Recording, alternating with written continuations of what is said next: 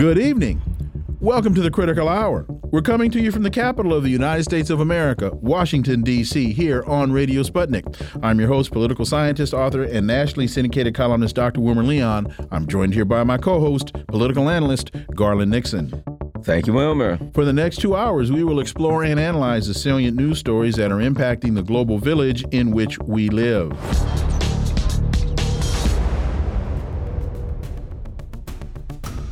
Townhall.com has a piece entitled The GOP Debate Preview. The first Republican primary debate is tonight, and you shrug and ask why anyone would care this far ahead of anyone voting. Just know that you're not alone.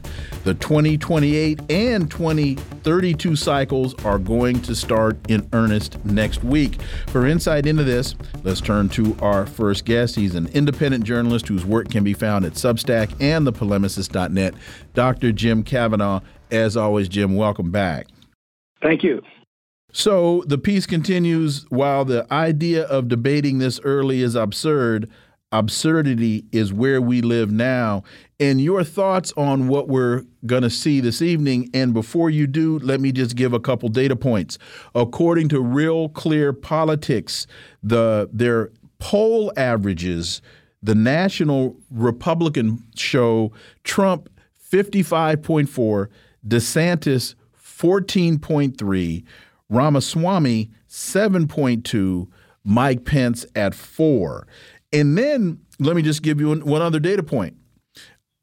President's job approval, Joe Biden's disapproval is 52.8. His approval is 41.6. That's a net that's a negative 11.2 spread. 64.9% of Americans polled believe the country is going in the wrong direction. 24.9 believe it's going in the right direction. That's a 40 point a negative 40 point spread, Dr. Jim Kavanagh. Yeah. You know, the, the Republican debate, what can I say? First of all, we see they want to have this horse race going all the time. You know, the, the, the, time between campaigns is shrinking and shrinking because this is what they want. They want to gin up the, the fighting between Democrats and Republicans and the fighting among the Democrats and the Republicans themselves, and everybody's focused on that. This is a ridiculous debate. You know, the town hall argue, uh, article talks about the elephant not in the room. I mean, it's more about Trump by virtue of the fact that he's not there than, than if he were there. You know, he's, he's he's won the debate by not showing up in a certain sense because he's everybody knows the statistics you just gave that he's way ahead of everybody. So what are they going to do? Uh, you know, I think uh, it's just silly to be. You know, again, it, to be to be fair, somebody could could could present. I think this guy Vivek uh, Ramaswamy could could if he could be useful for him because people don't know him and he's the kind of guy who has something to say and is an articulate guy and he could say something and he could get a bump from this, you know. But this is way out in advance of any uh, any actual voting.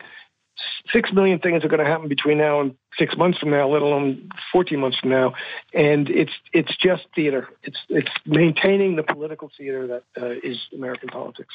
You know, the other thing that of interesting is it's going to be worthwhile watching because um, the reality is there's a, a war going on inside the GOP. You know, there's the mainstream GOP who wants to go along with the Democrats on foreign policy, and there is an element that wants out of Ukraine. Some of them want war with China. Some of them just want to no war at all. So it's going to be interesting to watch that.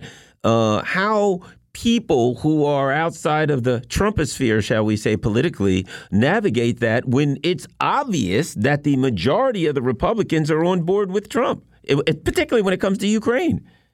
Jim. Yeah, that, that's a significant substantive policy. That is a split in the Republican Party, as in the Democratic Party. Uh, and it will be interesting to see if that's brought up. Of course, what will the uh, the Fox moderators push on that? And this is this is a point at which some one of them could make a name for themselves by taking a strong position. I just don't know. Uh, but again, you know, we have the fact that the, the actual developments in the war in Ukraine are going to be uh, significant in the next few months in a way that's going to ch- change the game. But it, it, that will be interesting to see if any of them do that. But and in fact, that's one of the things that would be interesting to push Trump himself on, uh, and he's avoiding that. So I, I just don't know what uh, uh, what's going to come of that, either in the Republican or Democratic. But clearly, it's one of the most important and substantive things that we have to know about. I don't think we're going to get a, a, a, strong. Well, we might get from one, one or another people, persons in the in this debate, some kind of strong position, but most of them are going to be end up being either, as you say, uh, they're going to be pro pro war, either pro war with Russia or pro war with uh, China. Well, and you've got Donald Trump saying, "I'm I'm 40 points up. Why would I Why would I need to show to this?" And I think there's a lot of validity uh, uh, to that point. And so I think it. I'm one. Well, let me say, I'm wondering if this is going to turn into a feeding frenzy on DeSantis, since DeSantis is the next one in line. He's he's He's 40 points back, but still seven points ahead of Ramaswamy. And with Ramaswamy being uh, trying to be Trump reincarnate, I wonder if uh, he will be part of the feeding frenzy as well. Yeah, I think, as I say, he's the one who has the most to, to win from this in a certain sense because people don't know him, and uh, he will get to be known. Uh, and uh, he's he's he's got an articulate voice. Let's put it that way. And they probably will go after DeSantis. Who else? Or else? I mean, it, this stupid thing to do was going to be would be stand around going after Trump. Uh, so, and I don't think they're going to do that. Uh, and DeSantis is the is the juicier target. That's a, it'll probably that would probably just end up helping Trump. But you know, if Vivek Ramaswamy could come across as a more articulate version of Trump, that would help him. Uh, but I just don't know, and I kind of doubt I'll be watching it. Biden's gaffe-filled trip to Hawaii for wildfires fails to quiet critics. Apparently, he um, got there. He was given the finger by people who shouted, "Wow, he's finally here after 13 days. Thanks for nothing. F you." Um, he didn't get a, and then he, of course, he came there and he talked about a kitchen. He he compared a kitchen fire in which no one was hurt to a catastrophic disaster in which a thousand people are missing. I, am just saying, uh, Jim. I think he could have done a little better. But he could have lost his '67 Corvette, Garland. Yeah. Or a you toast. Don't, you even, don't get it. Even worse, a toaster oven. Jim. The cluelessness, the deaf the deaf ear. What are you doing? Does he not have PR people? I mean, but you can't control him. That's the point. That's the problem at this point for them. You know, he's going to get up there and he's going to blather about whatever. I almost lost my '67 Corvette and my cat and my kitchen fire. So I really, I, I understand what you're going through. I mean, this is just absurd and and so and stupid. I mean, it's as if they're deliberately trying to make him look disconnected from reality, and it's working. I mean I, I I, just don't know what. Uh, uh, and you see, like Tulsi Gabbard had this thing where she was driving around with this guy, and she was going around, you know, trying to distribute goods and and and things that people needed. And you saw that there was no presence. It drove around. There was no military presence, no FEMA presence, no state presence. It was all local people gathering things up and you know finding places to land, little inlets they could come and, and drop things off for people. It's just uh, fantastic and and and horrifying. And in the meantime, you know, they got 24 million billion dollars for Ukraine. They got another 24. And the, the excuse that oh we could only give seven hundred dollars per person without having a unless we get a congressional approval for what you call a congressional a, a special session of Congress to have supplementary authorization like you did for Ukraine and get it done. And now they're going to try and tie the supplemental uh, authorization for for Maui to the further uh, money for Ukraine. It's really just disgraceful. And I don't, you know, again, Biden is not going to be the Democratic nominee. He can't. They can't keep doing this. You know, this was insulting, and it was insulting to the people of, of, of Maui, and it was ridiculizing for Biden himself. He keeps get, keeps getting up there and saying these stupid, completely tone deaf things and he doesn't really obviously doesn't realize he's doing it and they can't if there are pr people trying to control him they can't. So i don't think he's going to last. Well you know to your point about the $700 and, and you said well you you you convene congress i would say no. You just make the statement this is what we're going to do and then you challenge congress to defy your statement that's yeah. you know that's what the bully pulpit is supposed to be about bullying And yeah. in, and in this instance, this is the people of Hawaii. They want their president to take a firm position to support their plight. And so, Joe, you you stand there in Hawaii and you say, next week you're going to see the following things and then you make it happen. That's that's what and I also found it interesting. I think it was the Washington Post that wrote yesterday that Joe Biden left his vacation to go to I mean for the Washington Post to put it in the context of though as though oh my goodness Joe Biden was inconvenienced as he had I thought that was incredibly telling, Jim. Yeah, look, you're absolutely right. He gets up and he says, "We're going to do this," and then you know, Congress would never, he'll get it passed through Congress the day after, you know, that, would never go. He would, that's a way, if you're his advisor, to say this is the way you're going to present yourself as a powerful, strong leader who's committed to the people and get away with it. Instead, they have him lying on the beach and then he's got to go to Lake Tahoe for his second vacation and I'll come, I'll come for a day in between. You know, it's really, and I'll talk about my cat and my Corvette. I mean, it, it's, and there's military all over those islands. You know, the military could be there in a second. He's got the power. He can order them to go, as you say. You don't have to wait for Congress to do it. But the the, the level at which Biden is is uh, demonstrating his incompetence and his cluelessness is such that uh, at some level, I think they're letting him do that because they know they got to get rid of him at some point. And uh, even MSNBC is turning on him in some ways, and uh, it's it's he's not going to be the nominee. In fact, let me just quickly say Joe Biden, you send the Army in to help Hawaii the same way the Navy went in to take over Hawaii. That's yeah. that's what you do. Well, the other thing is, I, I, you know I would disagree with you. I don't think they're letting Biden do anything. I think what we're seeing is what a government looks like that's run by the neocons. Biden, Nuland, these people are pure neocons, and neocons have no concern whatsoever with domestic policy. They could care less. They are on what is the equivalent of the Crusades, an ideological, religious style zealotry to run around the world and keep power, whatever that means. So I think this is just what neocons do. They don't care about Americans. In fact, they kind of really don't like us, Jim. Yeah, well, the the, the underlying contempt and, and, indifference to the plight of Americans is there, and it's the neocons and I would say also the neoconservative again attitude that it's private, uh, the, the the government and the public sphere withdraws from anything, and you leave it to the private sector, and uh, it's you know this is an attitude mm-hmm. that's been growing in the United States, and this is part of the re- result of it.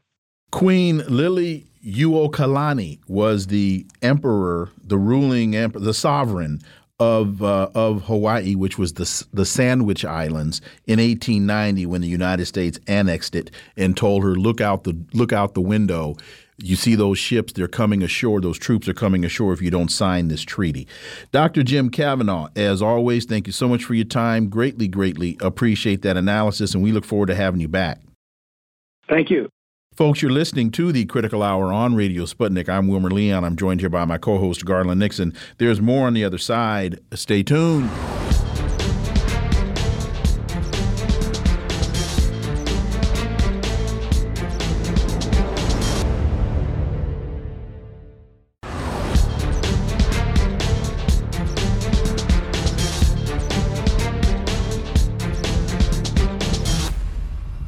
We are back, and you're listening to the Critical Hour on Radio Sputnik. I'm Wilmer Leon, joined here by my co host, Garland Nixon. Thank you, Wilmer.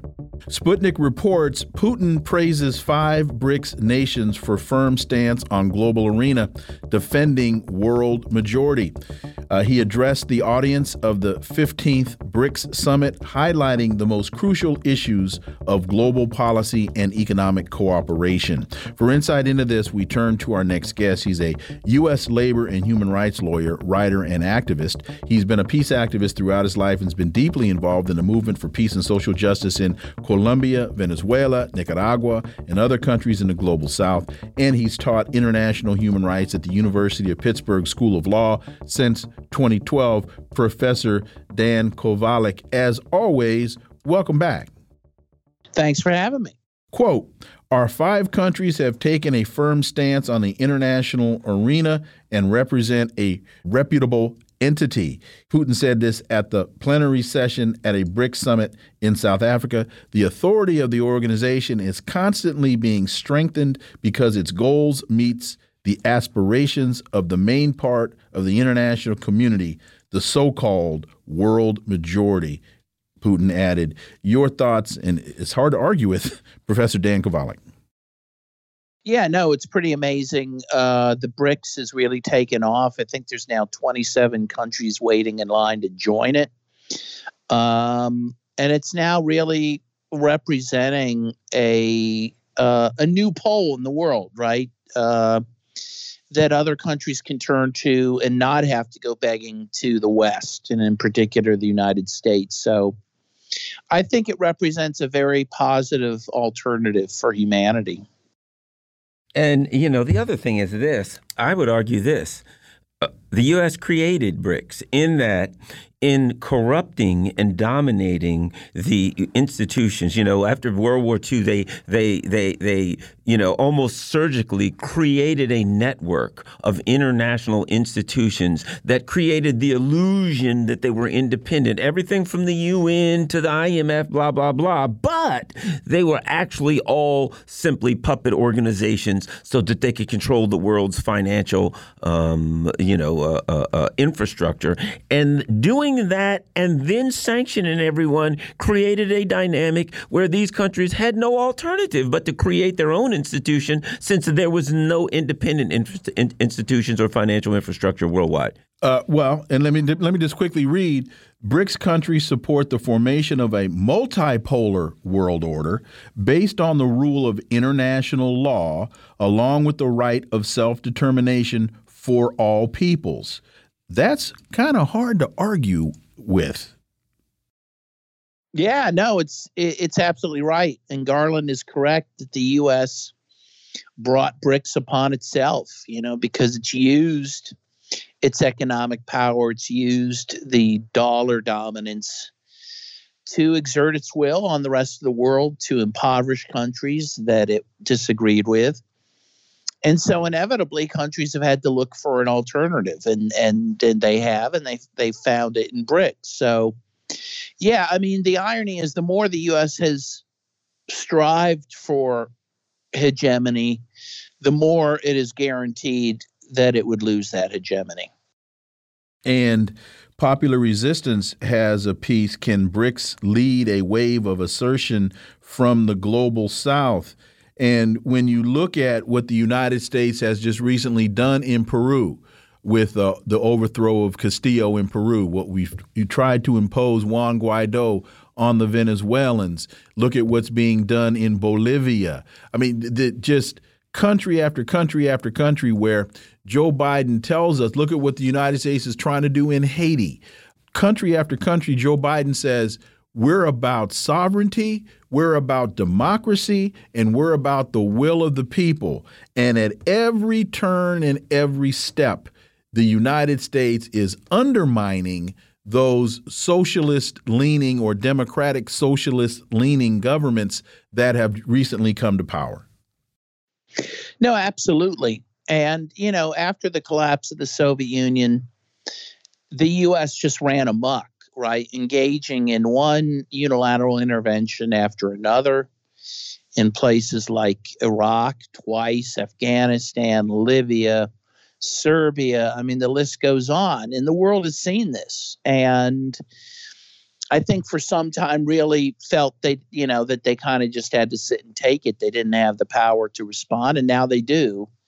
And now they're engaged in collective action to defend themselves. Um, again, I think that's good because I, I hope it will be a check on on un, unfettered U.S. military adventurism.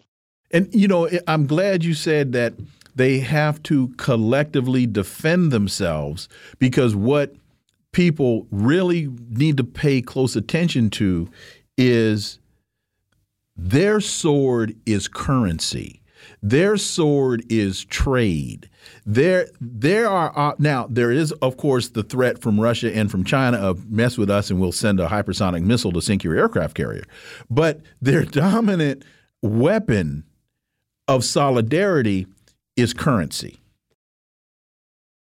Yeah, absolutely. I mean, if you look at China, which the U.S. sees as its number one enemy in the world, uh, you know, Jimmy Carter pointed out in a discussion with Trump over China that China hasn't had a, been involved in a war since 1979 and it's been able to put all its money instead of into war put it into you know development and technology and speed trains. And jimmy carter asked trump where's your speed trains? Of course we don't have any because we put all of our money into war. You're absolutely right. These countries are not looking to get involved in the military conflict. You know whereas the us appears to want to get into a conflict in every region of the world. And um, within the, the uh, uh, article, I found this interesting, and that is Indonesian President Joko Widodo is calling on the citizens to stop using Visa and MasterCards um, while implementing a national development strategy based on the modernization of its state owned companies. Here's what's interesting. The U.S. brought this again. I keep getting back to it. They brought this on themselves in that you you know they they want you to be to be dependent upon them. But now what people are seeing is well, if you keep your gold in the U.S. or U.K., they're going to keep it if they get mad at you. If you use their credit card, as soon as they get mad at you, they're going to shut them down. If you lean on them, they will take that opportunity to yank that crutch out from under you. So the wise thing to do is to never take their crutch, never take their offering in the first place. Well, that's not from a business perspective good for Visa and Mastercard. But so it's again again, it's it's uh, a self defeating. Well, let me quickly throw in a point that a lot of people overlook. President Putin has a PhD in economics. And he wrote his dissertation, I don't remember the title, but he wrote his dissertation on dealing with economies and natural resources in countries and how you develop your economy through developing your natural something like that. So, you know, Joe Biden Putin has forgotten more than Joe Biden ever knew on these types of issues. Dan Kovalik. Yeah, well, and that's why Russia has survived these incredible sanctions that the West has levied against it since February of last year. And the West is surprised. They thought it would destroy the ruble, they thought it would destroy the Russian economy, and that has not happened. And that is because Russia was quite prepared for those sanctions and again, I think the U.S. is going to find this more and more that it just will not have the power to to economically sanction countries in an effective manner anymore because countries will have a way to trade outside of the U.S. financial system. Greanville Post France never stopped looting Africa. Now the tables are turning. And the uh, 26th July coup in Niger is threatening to undermine French and U.S. military presence in the region. And, you know, one of the things, one of the interesting historic parallels that I see here is when you go back to the Vietnam War, France took the lead and got whipped, and the United States went to France and said, look, we need you to keep doing this. We're going to back it. Now you've got the tables are turning but it's still France. And uh, basically, point to me is Niger is seem, seeming to be or could very well become a modern day Vietnam. Yeah, well, there is talk of a Western intervention uh, there to try to take it back uh, for the West. And I guess the big issue is uh, uranium because Niger was a huge source of uranium for France, which depends on it for nuclear energy.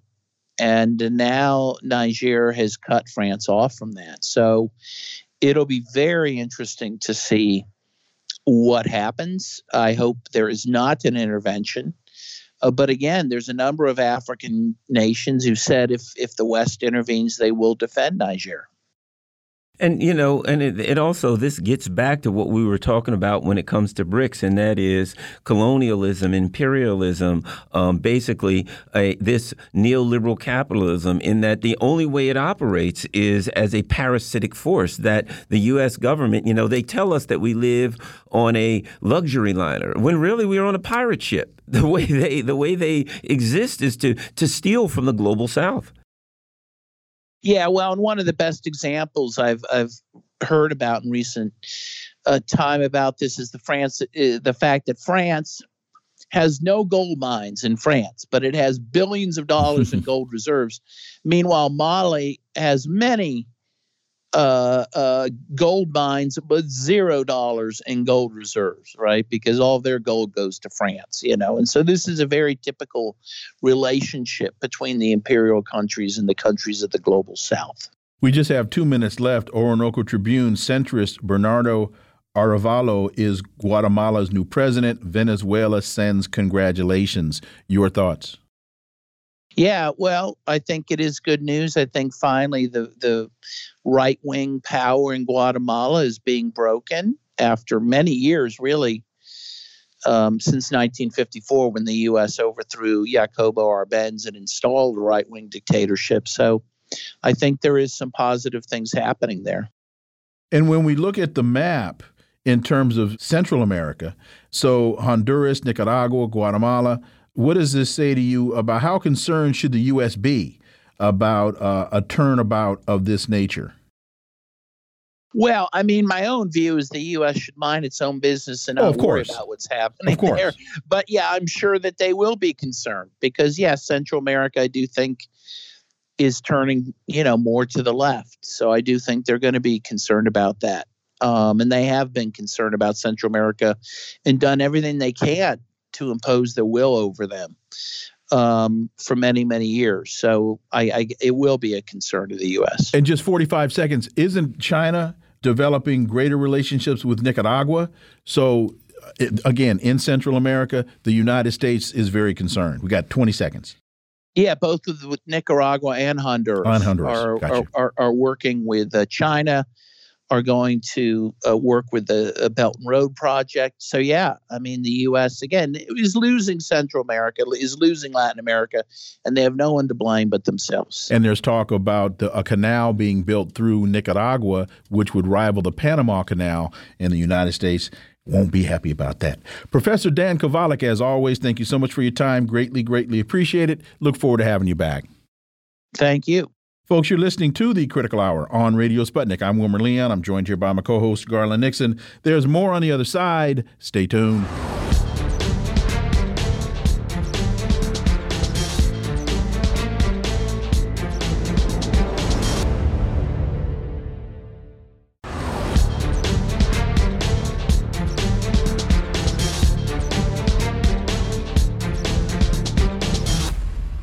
We are back, and you're listening to the Critical Hour on Radio Sputnik. I'm Wilmer Leon, and I'm joined here by my co host, Garland Nixon. Thank you, Wilmer. TASS reports Russia's goal is to end war that West unleashed in Ukraine, according to President Putin. The Russian leader stressed that it was the wish of a number of Western countries to preserve their hegemony in the world that, quote, has led to the grave crisis in Ukraine, end quote. For insight into this, let's turn to our next guest. He's an American citizen living in Crimea. He's a documentarian and filmmaker, Regis Tremblay. As always, welcome back. Thank you for having me. Quote Russia has decided to support the people who are fighting for their culture, for their traditions, for their language, and for their future. Our actions in Ukraine have only one reason to put an end to the war that was unleashed by the West and their satellites in Ukraine against the people living in Donbass. End quote. The president stressed it was the wish of a number of Western countries to preserve their hegemony in the world that has led to the grave crisis in Ukraine. Your thoughts? He said this at the as he spoke to the BRICS meeting. Uh, your thoughts on BRICS and the presentation by President Putin? Well, I think Putin took this opportunity, uh, speaking to the rest of the world, and most of those countries there are friendly, at least to Russia. to stating on the record that the West, and that's code for the United States of America, um, and to put the United States on notice that he is saying to the rest of the world, the United States provoked and started this with the coup in 2014, which the United States orchestrated in Kiev. That led to the war on the Donbass that continues to this day at this hour. Now, Russia's goal, yeah, was to end the war with the Minsk agreement, but you know they got hoodwinked.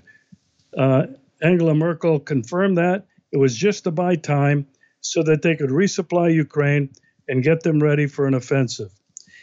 Russia's goals, and this, I have to keep repeating this. Number one, demilitarize Ukraine.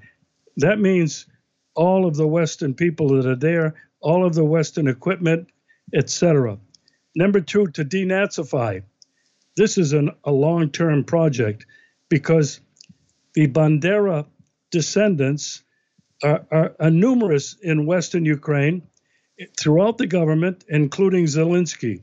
To denazify means to clean them all out.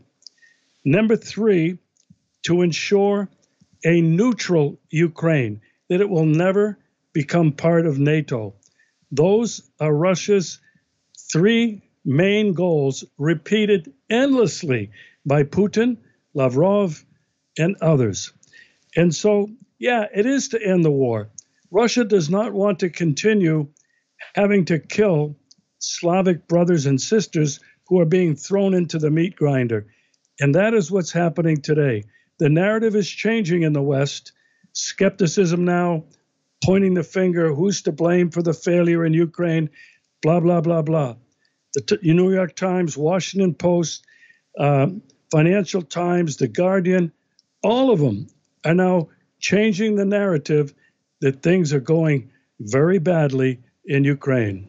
You know, the other thing I think that's interesting about this article and interesting about the discussion that we have, that you and I and Wilmer and that we have on the show is that we take into account the lives of the ethnic Russians in Ukraine, in eastern Ukraine, and in central Ukraine. Uh, because the mainstream media in the West talks about the Ukrainians, but it only mentions the, you know, it, it, it leaves out the fact that this war has been going on for eight years. It leaves out the Odessa massacre. It leaves out everything that happened happened, and it even leaves out the current attacks and shelling on uh, on, on, the Russian ethnic people, on Crimea, etc., and simply. Uh, uh, you know, disregards the brutal brutal actions that the Bandera, Banderite government has taken against the Russian uh, ethnic people, who only wanted peace and to be left alone from the very beginning. It also leaves out well, the the referendum, uh, exactly that and the and the invitation that was a result of it uh, Regis? Well, um, you know, this war orchestrated, managed by Joseph Biden, Victoria Nuland, John McCain was behind it back when he was alive, um, has taken the lives of over 20,000 innocent civilians in Donetsk and Lugansk in the Donbass region. They are still being targeted today, civilians there are no military there. There's no lines of confrontation. It's all shelling and bombardment of civilian people who broke away from Ukraine. Now, I have per- I've been there myself personally. I was there for a month in 2019. I've seen it. I've seen the mass graves. I've seen the destruction, and I know several of the foreign uh, uh correspondents who are covering the war not only in the Donbass, but on the front lines, who have been trying to tell the rest of the world what is actually happening there. Patrick Lancaster is a videographer who's embedded himself on the front lines. He's got incredibly compelling video proof of what these Ukrainian neo Nazis have been doing to civilians. It's a terrible story. And when this thing is over, there will be people they won't be brought to The Hague. They're going to be brought to Moscow, and they will stand trial. There's a Sputnik International story. Donetsk mayor says city center under massive shelling. The center of the of this city is under massive shelling. I'm not even going to try to butcher the name of it. Please forgive me, folks. I'm not going to do it. Earlier in the day, a Sputnik correspondent reported that Donetsk was being under fire, adding that three shells hit near the downtown. The center of Donetsk is under massive shelling. Speak to that, if you could, please, Regis Tremblay. I, I haven't got a whole lot more details on that, except that it was reported uh, on RT and Sputnik. Um, you know, this is a daily affair that's going on. They're being shelled. Uh, cluster bombs as well have been used, supplied by the United States. And their sole intent is to terrorize and punish the civilians, the people in Donetsk and Lugansk who wanted no part of the violent coup in 2014. And as you mentioned, they are the majority of ethnic Russians, Russian speaking people, which is why President Putin, after their referendum, absorbed them back into the Russian Federation. It's a terrible, terrible thing that's happening there, but it is not a one off. It's every single day. These two cities, regions, are being shelled by these Ukrainian, I'll not say what I want to call them, just leave it there. uh, Sputnik International, ex-CIA vet, Ukraine Ukraine blames foreign journalists for botched counteroffensive. You know what we're finding out now about this this so-called counteroffensive, misnamed counteroffensive. It's just an offensive, but what we're finding out now is that they basically just threw these people and told them, you know, go wander into this minefield, and as could easily be predicted, you know, with, anytime somebody wanders wanders into a minefield, they are being wiped out in industrial numbers. And it certainly appears as though this uh, misnamed counteroffensive has been basically a, a, genocidal move by the West, where they simply throw Ukrainian soldiers into minefields. They never really had a chance, and it shows the horror of a proxy war, where basically the Ukrainian soldiers are just cannon fodder for the for the neocons in D.C. Your thoughts? Well, nobody in the West wants to believe this, uh, because they've been lied to. But the narrative is changing, it, coming from so many different sources. You know, uh, you know this ex-CIA CIA vet. Uh, it's it's even coming from think tanks like like the uh, Heritage Foundation. It's coming from think tanks in Europe. It's even coming from former advisors to Zelensky saying what is happening is disastrous. It's a massacre. And the Russians have estimated, because they can count the bodies, mm-hmm. some 45,000 Ukrainians have died just this year. Just this year, since the start of that quote unquote offensive. There is no offensive. They have tried and they've, they've thrown thousands of even recruits without much training even one of their elite units was thrown into this, and they're just being decimated. They can't penetrate the Russian minefields, three lines of defense with trenches and and concrete structures. Um, they're just being annihilated, and and the West is willing to keep this going until the last Ukrainian to try to weaken and destabilize and exhaust Russia. I got to tell you, Russia is not exhausted and is not anywhere near it. Well, and the United States claims that they're in Ukraine defending democracy, defending the freedom of speech, Ex CIA vet says Ukraine blames foreign journalists for botched counteroffensive. Kiev's repeated touting of its readiness to break through Russian defensive lines turned out to be a mistaken move. Larry Johnson, a retired CIA intelligence officer, has told Sputnik. Switzerland's Le Temps newspapers reported that there is an act of censorship that can be explained by Kiev's reluctance to make huge losses public after its troops were unable to break through the Russian defensive lines amid their counteroffensive. Regis Tremblay. Well, uh, two things. One, uh, Kiev and the West have been categorically lying. They, absolutely. Now, Zelensky knows, and all of his people in the military and his advisors know how bad this is going. Why can I, they they cannot admit it?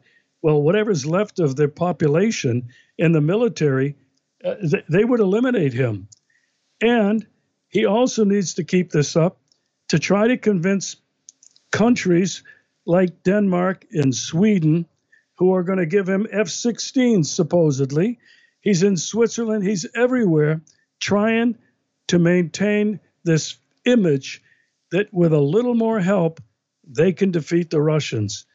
I cannot believe how anybody in the United States or the West can believe anything that's being said anymore when they know and they feel exactly what's happening in Ukraine. And the game is really over. It's it's only a matter now until the fat lady sings, as they say. Another article Air Force tight lipped on canceled hypersonic missiles' latest test. The Air Force no longer uh, plans to field the once highly promising AGM 183 missiles, but says continued tests are helping with other programs. And once again, we see the United States is falling behind other countries when it comes to technology, in particular hypersonic missiles. And it certainly appears that they uh, don't look like they're are going to be there anytime soon. Your thoughts? Well, I have documented in my show um, a couple of years ago uh, by experts here in Russia, in Moscow, experts in weaponry, missiles, the whole nuclear thing. They have claimed that Russia is 10 to 15 years ahead of the United States in missile technology, the hypersonic missile. They're not testing it, it's been tested it's been put to use in Ukraine, and this missile cannot be detected by radar or shot down. It has the ability to change direction. It can go from the South Pole, the North Pole, across the equator. It has many ways that mm. it can attack the United States. And I'll add this China reportedly also now has developed yes, they do. A, hypersonic, a hypersonic missile.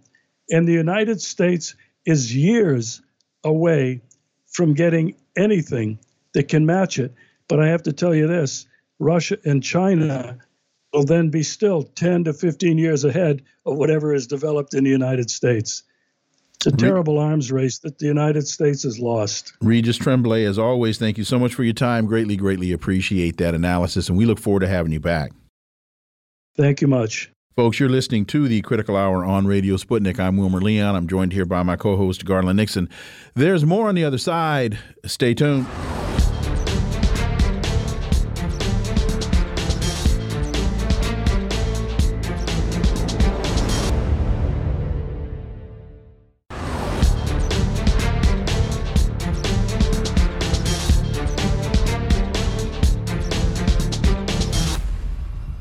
We are back, and you're listening to the Critical Hour on Radio Sputnik. I'm Wilmer Leon, joined here by my co host, Garland Nixon. Thank you, Wilmer. The Washington Post reports state lawmakers moved to ban Chinese land ownership as a now this is the Washington Post as a Chinese spy balloon sparked national security fears. 81 bills were introduced in 33 states this year. In Washington, the White House and federal lawmakers are pursuing ways to constrain Businesses like TikTok amid a bipartisan push to limit China's reach. For insight into this, let's turn to our next guest. He's a writer and a professor of East Asian and Global History at New Mexico State University, Dr. Ken Hammond. As always, Ken, welcome back. Pleasure to be here. So the Post continues lawmakers in 33 states have introduced 81 bills this year that would prohibit the Chinese government, some China based businesses, and many Chinese citizens from buying agricultural land or property near military bases.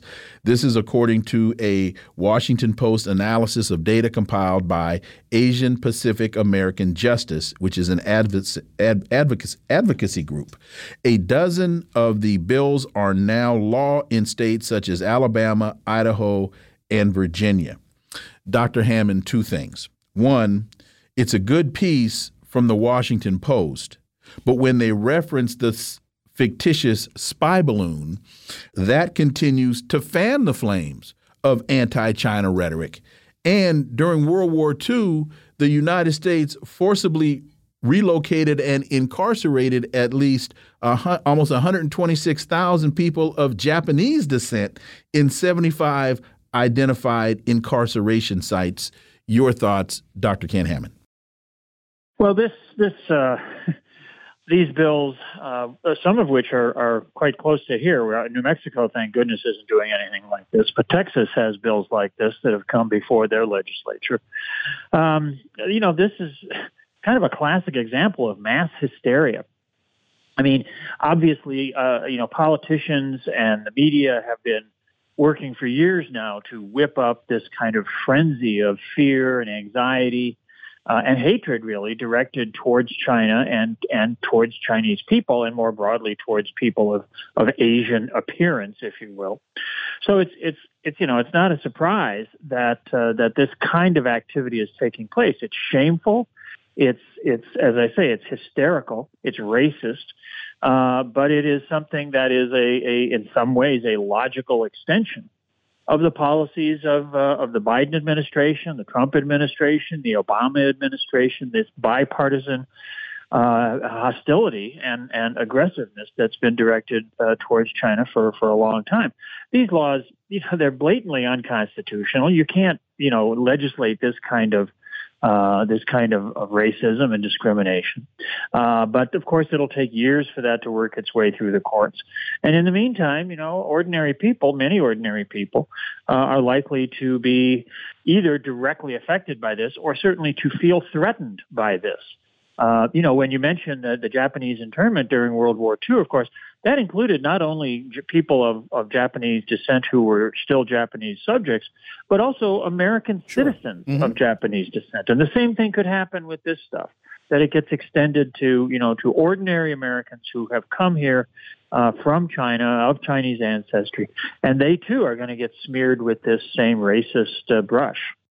Eh, the other thing it shows too is this in the U.S. empire, if our government picks, I mean, uh, the, the, new country, and they could make up the name of a country. Well, there's a country called Smabibia, and they're evil, and we must always hate them. That there is an element in our country that's always poised, just saying, Who shall I hate? Who is the new enemy rogue state, and they could make up the name. It's Smabibia. These same states would all introduce bills that Smabibians or Smabibinites, whatever the case, that they would not. It's Smabibians. Oh my! Thank you. Some of my correct. best friends are Smabibians. Yeah, oh, that's a racist thing to say, but it doesn't matter. but at any rate, against Smabibians. But you get. I think we're going to get a little carried away. But you get my point, Doctor Hammond. It's who shall I hate next? Oh, it's Maduro. Oh, it's Assad. Oh, it's Putin. It's Chinese. Who's next? We know whoever it is next. They're going to do the same thing, Doctor Hammond. Well, yes, this kind of demonization has a long history. Uh, you know, back back during World War One, you know, an imperialist war between ruling classes, American propaganda, you know, portrayed Germany uh, and and ordinary German people as these sort of you know monstrous Huns of uh, you know that were vicious and and almost inhuman uh, in in in in propaganda, in posters, in writing. Uh, and of course, you know, the, the racism against the Japanese during World War II was even more hysterical. So, yeah, I mean, just all we have to do is all the government and all the politicians have to do is determine that somebody is acting in a way that doesn't go along with American corporate interests. And suddenly, you know, they can be they can be turned into into demons. They can be turned into, you know, just this sort of these embodiments of evil. And then, you know, that just unleashes, as you say, it unleashes the haters, but it unleashes also fear and anxiety in the part of ordinary people as well. We saw that here against uh, Muslims after September 11th, and Sikhs wound up being attacked because people don't, many people don't know the difference between Sikhs and Muslims. Uh, so, I mean, and again, just last year at Wimbledon, Russian tennis players were not allowed to play in, in Wimbledon. So this. Not only is it a domestic issue, but it also then finds its way in, into into international politics. Uh, the, Absolutely. The Intercept has a piece: Imran Khan booked under Pakistan state secrets law for allegedly mishandling secret cable in 2022. I was trying to. Were they talking about Imran Khan or Donald Trump? Because you got the Donald Trump records issue down in Florida, and now they seem to be using the same playbook with Imran Khan, that to me, and I, am being facetious here, but it, many times uh, it's based in truth. That sounds like they're taking the page right out of the U.S. playbook, which let me know the U.S. was involved in this Imran Khan deal. Dr. Hammond. Yeah, well, you know, I mean, the the uh, the parallels, the things that, that are going on here in the United States in terms of, of the, the rivalry and contention between the bourgeois parties has really descended into into this sort of uh, you know appalling theater of, of, of dysfunctional politics. And you know, it, but this kind of thing goes on in various societies around the world, where where political elites divide against themselves in various, you know, increasingly uh, uh, vitriolic ways. What's interesting is that the, the accusation against Imran Khan uh, for you know uh, uh, allegedly mishandling secret cables. Well, what he did uh, was to use uh, to expose uh, the actions of the United States government through diplomatic cables that were sent to. the Pakistani government and Pakistani intelligence workers, in order to to urge them to overthrow Imran Khan. So he's saying his his his uh, his alleged misdeed is that he said these guys are trying to overthrow me, so now they're overthrowing him, and uh, it's you know it's it's pretty remarkable that uh, if you if you act in a way that that the American uh, establishment thinks is is contrary to their interests, they're going to come and get you one way or another, or at least attempt to do so. Imran Khan, of course, has vast public support in Pakistan. We'll see how this plays out, but it's a very ugly situation. It sounds Assangean. Well, you know what it reminds me of? I remember with the uh, when the whole um, thing in uh, the Mike Brown thing. What part of uh, Missouri that was in? Um, right. Uh, okay. One of the things that they found out about that police department was they had stopped the black man and they had accused him of, yeah, that said that there was a warrant against Ferguson. him. Ferguson. They had stopped this black man. They said, it's a, we got a warrant for you, and they took him in. But the person they had a warrant for had a different middle name and a different social security number. So it wasn't the guy. They took the guy in, and then as they did, they proceeded to beat him. And he bled on their uniform and they charged him with damaging property because he bled on their uniforms when they beat him. This is the same thing. We overthrow you, and then you say, hey, Look, he overthrew us. Ah, there we go. That's a crime to tell that we committed a crime. It's the same exact scenario to me, Dr. Hammond. Again, it's it's no. it's uh, uh, Julian Assangean. Yes, absolutely. No, I, you know there have been these various uh, you know uh, Wikimedia leaks and uh, and of course Julian Assange and and uh, others who have uh, uh, exposed the misdeeds of the American government. I mean, that's why you have official secrets acts if you're a state, is to protect yourself from being exposed for the evil things that you do. You know, you wouldn't have to keep it a secret if it was okay to do it, right? Uh, but instead, they they will do anything really to protect themselves, uh, to to keep their dirty secrets uh, quiet. And those who dare, even if they're the prime minister of a of a of a, supposedly sovereign state, if you dare to speak out against what the United States is doing, uh, you know you're you're gonna you're gonna face some flack. You're gonna face some uh, some blowback. And if it comes to overthrowing you, and they can do that, that's what they're going to do. And uh, we've seen it over and over and over again. And this is just the latest example of, you know, your American imperialist tax dollars hard at work, you know. The Daily Mail reports water release finds little support in Fukushima. Most Fukushima fishermen are tight lipped, but this one gentleman, Mr. Ono, can't keep his thoughts to himself on Japan's plans to release treated cooling water from the stricken nearby nuclear power plant into the Pacific, and uh, they want to release what a hundred metric tons of radioactive water, not all at one time, but still into the Pacific Ocean. Dr. Ken Hammond, I don't think that's a good idea for fish farms. well, I don't think it's a good idea for for anybody in some ways. Although what's interesting in in in this story is you know, there's you have various uh, uh, uh, technical uh, debates going on about this. You know, can you actually clean this up? You know, have they been able to remove uh, an acceptable amount of of these uh, nucleotides or whatever they're called?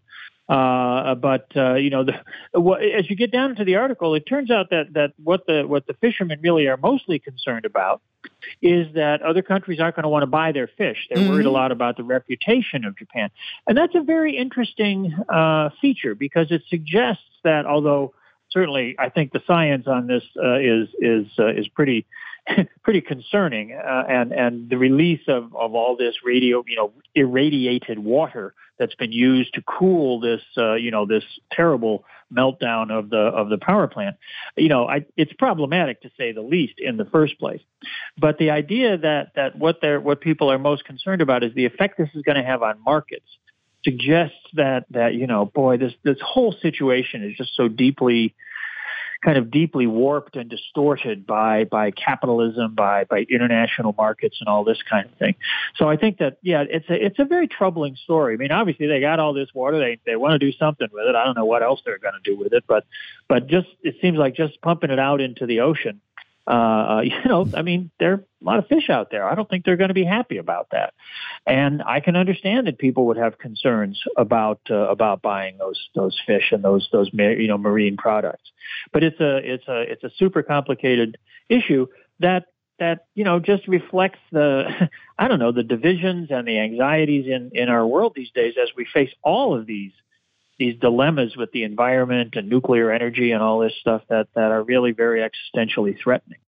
You know, I would say, to, to be honest, in the same way that when it comes down to elections, you know, they talk about a lot of stuff and people vote their pocketbooks, that when it comes down to it, this is how people think that the fishermen ultimately, they mm -hmm. look at everything else, but they think to themselves, man, I got to feed my family. I got to eat here, and this is going to hurt us. And as an example, I've just said to Wilmer, if you think I'm buying any seafood that comes out of the Pacific after this foolishness, you got another thing coming. So they're, you know, as human beings, do, as people do, they're thinking thinking about how they were going to feed their families, and people like me are thinking, I don't want to feed my family irradiated food.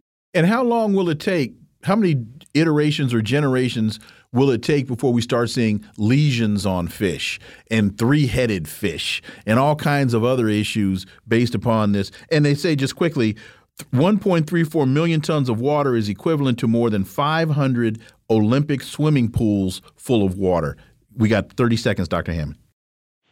Well, obviously that that sounds like a huge amount of water in the context of the Pacific Ocean. It's it's you know sorry to say it's kind of a drop in the bucket. Mm-hmm. But the issue really is what are we doing to our oceans overall? I mean, releasing radioactive water into it, all the microplastics that are out there, all the other pollutants that that have, industry, modern corporations have flushed for decades, if not centuries. I mean, we have got to get our relationship to the planet under control we're all going to be, you know, a lot more worried about what's happening to us than we are already. Here's an idea. Take that water, put it in bottles, put a label on it and sell it to Europe. Let's see how happy Europeans go. are. Uh, oh, here's some irradiated water from from Japan. Oh, this is great for our facials. Let's see how they feel about it, and if they're not happy, then we got to figure out something. Or, or take it to European to, off the coast of France, the English Channel. Hey, pour it there. Perrier. Take it there and pour it in the English Channel. See what they think. There you go, Dr. Ken Hammond. as always, thank you so much for your time. Greatly appreciate that analysis. We look forward to having you back. Thanks for having me here. Folks, you're listening to the Critical Hour on Radio Sputnik. I'm Wilmer Leon, and I'm joined here by my co host, Garland Nixon. There's another hour on the other side. Stay tuned.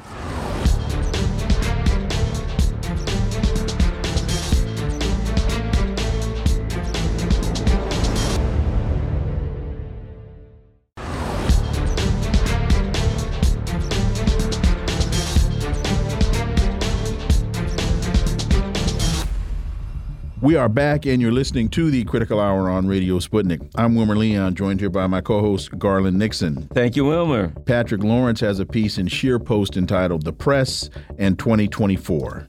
He writes We now tip into the 2024 election season in some kind of official way, with Republicans scheduled to hold their first primary debate tonight.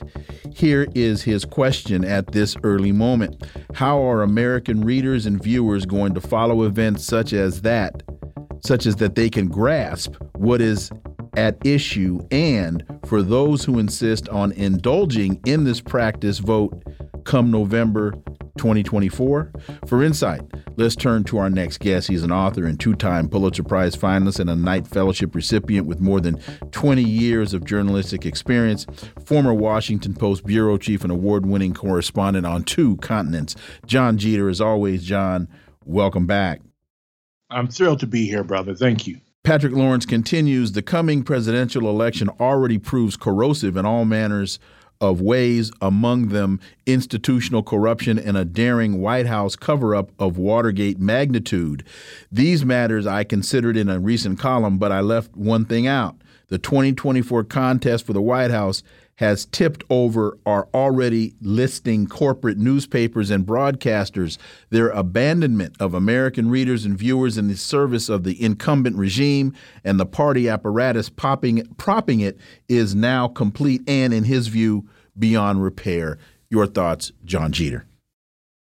Yeah, I, it was an excellent article. I could not agree more with uh, the author's sentiments, um, particularly as a as an old journalist, as an aging journalist who's seen uh, journalism uh, at least make an effort to represent the truth, to try to inform the public, so that that that they can make more informed decisions about their democracy.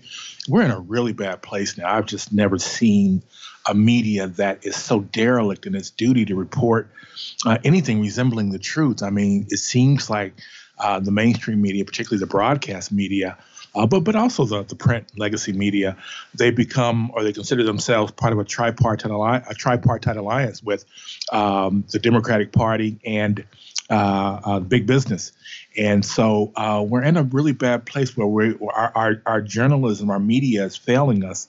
Uh, and the and the author's sentiments about um, the comment from uh, uh, Thomas Jefferson that were he give, were he given a choice to be without newspapers or, or government, he would he would happily choose to be without government rather than newspapers. And again, I think that's very true. Uh, and you know, I'm loath to re, to repeat anything said by the pedophile uh, uh, uh, enslaver Thomas Jefferson, but still, even the Baroque clock, I guess, as they say, is right twice a day. And um, yeah, we're just in a really bad place where it's almost like a, it's a perfect storm. It's what um, what uh, one of uh, John F. Kennedy's uh, economists said about welfare. It's, it's, almost like the end of empire. It's the breakdown of all systems. And that seems to be where we're at right now, where all of our systems, all of our democratic institutions are failing us. And um, we're just kind of left adrift at sea. The American people are. And the other thing is, and I think it's important that um, uh, uh, Patrick brought this up, and that is how this dynamic affects the 2020 election. You know, at a time when it seems crazy, when you know there any day now, I guess Donald Trump's going to be charged with pulling his uh, pulling a, a, a tag off his mattress. That's the only thing that hasn't left. They haven't charged him with. Every possible thing they can possibly charge him with is happening, and there's probably plenty more to come. Um, at a time when we look at the Democratic Party, and eh, eh, I mean, it's a decrepit, feeble party led by a decrepit, feeble president. It's a disaster. And eh, the, to to see a media that can't even acknowledge the disastrous and catastrophic political situation that we're in, but only can exacerbate it is, you know, quite concerning. Okay, I'll come down a level. Your thoughts, Jon? no, no. I, again, I agree completely. Um, you know, the media, we're in a place where, and I saw this at the uh, tail end of my time at the Washington Post nearly 20 years ago. Reporters increasingly only talk to themselves. They're not talking to real people. And if they don't talk to themselves, they're talking to their classmate, their former classmate at Harvard or Yale, right? And so it's just this sort of uh, uh, circular firing squad now, and they're not in touch with real people And so, you know, we don't. Uh, I, I, don't think they realize that no one's buying this thing. I, I, I despise Trump. I despise Biden as well, right? but this seems like a political a witch hunt against Trump, like you say, charging him for everything except pulling the tag off of his mattress. I mean, it just can't they find something real to get him on? I mean, this man has committed war crimes, right? And yet, what they're accusing him of, or it seems like utterances that should be protected by the First Amendment. Again, I despise the man, right? Uh, and at the same time, you know, we're hearing these stories. We don't know if they're true or not, but we're hearing these stories from alternative media, from uh, uh, from from pundits and, and, and, podcasters. I mean, about uh, Joe Biden and his son Hunter Biden, and increasingly, it's like, why why aren't you reporting this in a more robust way? I mean, a story came out yesterday, I think, that there's a picture of Joe Biden, Hunter Biden, with uh, uh, uh, Mexico's former president uh, uh, Pena. I can't remember his name, Pena, I think, and and uh, at least some evidence that would suggest that there was some sort of influence peddling going on there. Why aren't they Im- investigating these things? The media, why aren't they investigating these things with the same robustness that they're investigating? It seems, you know, every uh, uh, every misdeed that Trump did or didn't do. And Garland, the mattress tag issue relative to Trump, that'll be a superseding indictment. Oh, so yeah, so yeah, just be patient. It's coming. Be patient. I think Minnesota is is the next state that's going to bring him up on charges. Uh, there's an interesting paragraph here in this Patrick Lawrence piece. Our intrepid reporter quotes, but of course a DNC official, one Cedric Richmond, saying, It's good to have her, Kamala Harris, out there. Biden, you see, is too busy back at 1600 Pennsylvania to run the office. He is still uniting the West against Russian aggression, and he's tackling the economy and inflation, uh, Cedric Richmond explains. Thank God we have Harris so that this brave man can watch over us. As they say in football, I think he had a missed tackle. so I think the runner's still heading down to the end zone if he's so, tackling the inflation. So we take right. we take Cedric Richmond's dribble, and then yesterday in the Washington Post, Joe Biden breaks away, I think was the term they used, from his vacation to go to Hawaii. And then you listen to those ridiculous comments that he made in Hawaii. Thank God we have this man watching over us, John Jeter. And and and uh, some of the uh, some reporters are, are reporting that he was panned and and uh, yeah, even, yes, uh, cursed at placards in people's yard. Yeah, people f bombs were bantied about. Yeah, why does why does Ukraine get all this money and we get you know we, we get, get you? Yeah, right, right, right, right. We, you know, I, I, mean, these are the questions that Americans are answering, and this is this is, you know, I, I am. I am big on class struggle. I am big on, I'm a race man of the first order. These are questions that everyone is asking, black and white. You know, uh, uh, not many of the rich, but even some of rich people are wondering, you know, this is this doesn't even look good, just the optics of it. And you know, uh, and the idea that Kamala Harris is some kind of savior, it's just like, what planet are you living on? So I, I, you know, I think they're just, you know, and we've talked about this before. They're just desperate. The Democrats, particularly, Republicans as well, but I think in a, a little bit different way. Uh, but they're just desperate to hold on to power, and they just they don't have any. They're at the end of their wits. They don't have any real answers to any of our problems or any of our questions. Black Agenda Report, Dr. Wilmer J. Leon III writes You can't project power when the world knows you are weak. Every empire falls. And fantasy of American exceptionalism doesn't exempt the U.S. from inevitable decline. Another great article. Your thoughts, John Jeter. Yeah, I love that article. Um, you know, I, I, am sure, you know, I'm sure it was a fluke considering the author. But it was a, you are correct about article. that. That was the drunk by the pool that wrote that. it was a good article, and I, I, uh, I, allowed you you plagiarized me plagiarizing people a couple of times. that uh, that Hemingway quote, which I use I use a lot. I love that about uh, how did you go broke gradually and then suddenly. I, I, use that quite a bit, and it's exactly right though. You know, we're we we it's just a really good summation of of where we're at and pulling all these loose strings together in a coherent narrative about the end of this empire. You know, this is a historical moment, and we see it in the world beginning to realign to to to, to almost like you know this BRICS conference. I was thinking about it the other day, and it, it, it reminds me. I don't remember this, but for what I've read, it reminds me of the of the Bandung conference. Was that mm-hmm. in '56 where the the non-aligned countries uh, got together to talk about a way forward? Um, and, and, this seems like it's uh, the sort of reiteration of that Bandung conference, but this time I think it'll have more teeth because the the Cold War as we knew it is over, and maybe it's restarting in some ways. But the United States is really at the end of its rope, and I think people are starting to see that around the world and starting to adjust accordingly. I mean, this is a long fight. It's going to be a long fight. The United States is not going to give up with a fight, you know, and that means, you know, very much like a cornered rat. They're dangerous. Uh, our, our, political leadership is dangerous. But yeah, that was a really good piece, I thought. It really summed up just sort of this historical moment uh, and why there's, you know, ample reason to believe that the empire is over and that the much of the world is starting to see it that way. And one thing I would add, this just happened the other day here in Northeast DC. I was in a parking lot at a grocery store here thinking about one thing you did mention was the sort of uh, the consciousness among black people, which seems to have shifted since that it might seem like a casual thing, but that incident in Montgomery, Alabama, where the brothers came to the rescue of the the, the riverboat operator when he was mm-hmm. attacked by the white mob. And it does seem like it's affected, uh, at least anecdotally. I don't have any polls, obviously, but anecdotally, it seems to have affected people's confidence. Uh, and I was in a grocery store parking lot, black, in a black neighborhood here in D.C. the other day, and an older guy rode through in a convertible. He's honking his horn. Black people, keep going. Stay, stay up. We can still win this. Just urging people on. I just thought, I'm not – Mm. I've not heard anything like that in probably 30, 35 years. And so it does feel like something is shifting. Again, this is not going to unravel tomorrow where, you know, the, the, the elites are going to sort of just say, hey, look, we give up. We can't win this thing. We're done. But it does at least seem like people are starting to fight. And so, you know, as a friend told me once, you won't win every fight you get into, but you'll lose every one you don't fight, you know. So, um, this this feels like we're starting to join the fight at the very least. Well, I appreciate y'all's compliments on the piece. I thought it was utterly brilliant, but but I might be a bit biased.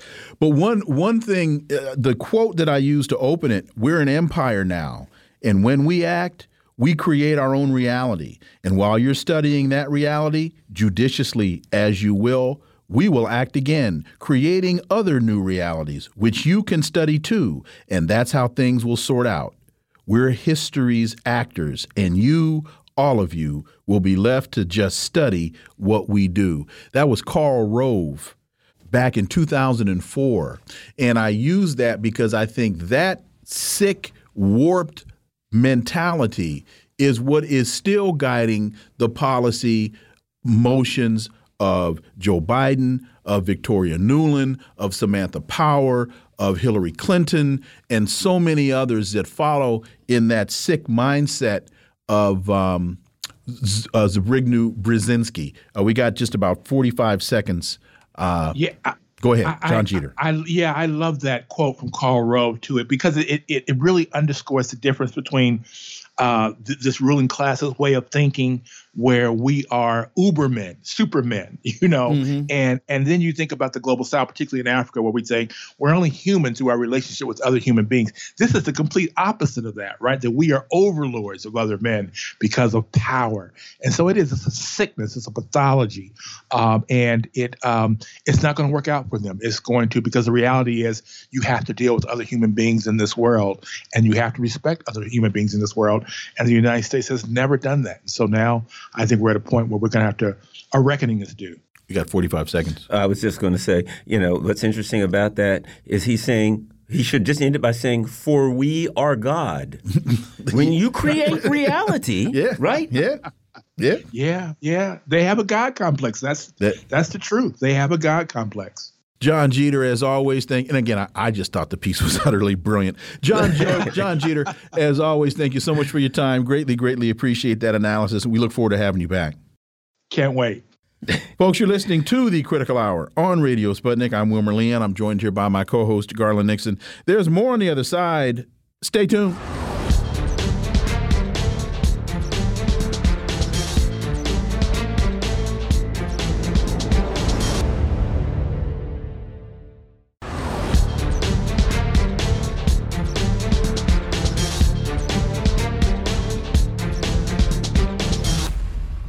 We are back, and you're listening to the Critical Hour on Radio Sputnik. I'm Wilmer Leon, joined here by my co host, Garland Nixon. Thank you, Wilmer. i24 News reports Algeria refuses French request to use airspace to intervene in Niger. Instability in Niger is exacerbating the rift between France and Algeria, as Algiers has refused a request from Paris to fly over its airspace as part of a possible military operation against Niamey. For insight into this, we turn to our next guest. He's the U.S. correspondent to the Herald in Zimbabwe and the external relations officer to the Zimbabwe Cuba Friendship Association, Obi Egbuna, as all, Obi Egbuna Jr. As always, Obi, welcome back. Um, pleasure to be with you. So, Algerian National Radio reported Monday that France is preparing to carry out its threats against the National Council for the Safeguard of the Homeland in Niger by carrying out a military intervention in the event that President Bazoum is not released. Uh, we know that there's a real conflict between Algeria, Mali, and Niger, and a, a couple of other countries on the West to what Nigeria and ECOWAS want to do as it relates to intervening in in Niger. Your thoughts? What does this say to you, Obi Egbuna? Um, Ahmed Ben Bella is smiling on Algeria. We, Algeria, defeated France in a eight-year armed struggle, a protracted armed struggle. And from that moment on, a statement was made to the world that Africa will not allow imperialist policing, and dip- diplomatically, culturally, or politically. We have the ability to resolve our own conflicts without Western imperialist intervention of any kind. And that sentiment is spreading and reverberating throughout Africa, throughout the Caribbean, and throughout Latin America. We tip our hat to Algeria for taking that stance. Your thoughts on uh, the um, the leader of Burkina Faso, Ibrahim Traore, his uh, you know his speeches, his uh, the position he's taken, and how that's had an effect on on the region and the unity in the region. Well, the bottom line is the the ghost of Houphouët-Boigny is no more. Thomas Sankara, as I said before, the last time I was on, his his assassination was planned in Houphouët-Boigny's living room. Osagyefo Dr. Kwame Nkrumah's coup, the coup that ousted him in February 66 was planned there. Amilcar Cabral's assassination was planned there. Um, the spirit of Thomas Sankara is moving through not only um, President Traore, but the people of Burkina Faso. You have a 24 year old sister named Inem Richardson that just set up a a Thomas Sankara uh, Children's Development Center there. This is the second wave of the pioneers of the revolution. So all over the region that has been um, based on white supremacist and imperialist sentiment called Francophone West Africa, which is very disrespectful, which is an extension of calling Namibia Southwest Africa, an extension of calling Mozambique Portuguese East Africa, or the extension of calling Zambia North, Northern Rhodesia or Zimbabwe Southern Rhodesia, Ghana the Gold Coast, so on and so on. No more, no more for that. And whether we're saying we don't want their language, we don't want their police presence, we don't want them observing our elections, it's time to have a real, authentic divorce because colonialism represents a one sided love affair and has been an abusive relationship from its inception. You mentioned, uh, well, Garland, in his question, Traore out of, of Burkina Faso. One of the things that that stands out to me as I've been reading his speeches is he repeatedly speaks in a generational context. He says, my generation is now asking these questions. My generation must stand up and do the following. So, can you speak to what he's articulating in a generational context. And you mentioned the spirit of Thomas Sankara. Is there also a spirit of Muammar Gaddafi that is resonating in the minds of many? No question. But Traore, I mean, uh, yeah, Brother Traore, Comrade Traore, His Excellency, he grew up under Blaise Compaoré, military neo-colonialist dictatorship. So his generation is asking the same question that my generation um, close to 20 years older than him. In the 1990s, we raised the same questions and acted on it. While we were fighting in the streets of the United States, dealing with the Rodney King uprising, as it was described, in Africa, Traore in Mali, who overthrew Modibo Keita, was shown the door. Babangida and Abacha in Nigeria was shown the door. Mengistu in Ethiopia and Eritrea was shown the door. Mobutu met more resistance than ever before, the godfather of military neocolonialism. So 20, 30 years ago, we made an emphatic statement. We did not want to be policed. And now him, he could be a, he could be my son, I guess, or definitely a younger brother or a nephew. He's echoing the same sentiments we have had, and it's a sentiment that is rooted in the core of genuine African resistance. And on a Pan-African scale, Africans in the diaspora, especially the United States, better recognize something. Black excellence has a militant twin that people have tried to keep in the closet, like the whole Cinderella ugly duckling scenario, but it's beautiful to us. And that militant twin is called African resistance. And African resistance is so crucial to the decolonization process. So not only is this generation raising these, these questions, they are acting on these questions. And that's the way it's supposed to be. The United States State Department has released a statement on the Zimbabwe elections. Your thoughts on that? Um, let me read uh, just a little bit sure. from that yeah, from that statement. Please do. As Zimbabweans prepare to head to the polls on August 23rd, which is today, the United mm -hmm. States calls on all actors to commit a free, fair, and peaceful elections. The Zimbabwean people deserve the chance to choose their future without fear of repression or intimidation. In line with Zimbabwe's constitution, we believe the best route to peace and prosperity is for governments to respect the right of their citizens to vote and allow for peaceful and democratic political processes. Obi Egbuna. Well, um, I've been connected to Zimbabwean elections since the 2002 presidential elections. So let's start from there and come up to here. In 2002, late President Mugabe invited the Congressional Black Caucus to come and observe elections. You know, the one thing the Black Caucus, two things the Black Caucus don't turn down are cameras and plane tickets. They didn't go. The NAACP went in their place the NAACP came back and was coerced by the State Department not to publish their report on the elections, which was a very positive one. In 2005, when they had parliamentary elections, Operation Marm Murambatsvina took place, which is a slum cleaning um, effort to keep the urban centers of Zimbabwe clean. The UN said it should be the model. They they used their airwaves to say it left 500,000 people in Harare homeless. There are only 1.5 million people there. In 2008, they talked about violence in the elections. They they exaggerated about that. The State Department had a um, broadcast that said non-essential travel to Zimbabwe should be deferred due to violence. But yet it's okay to go to Johannesburg where 36 people get shot every day.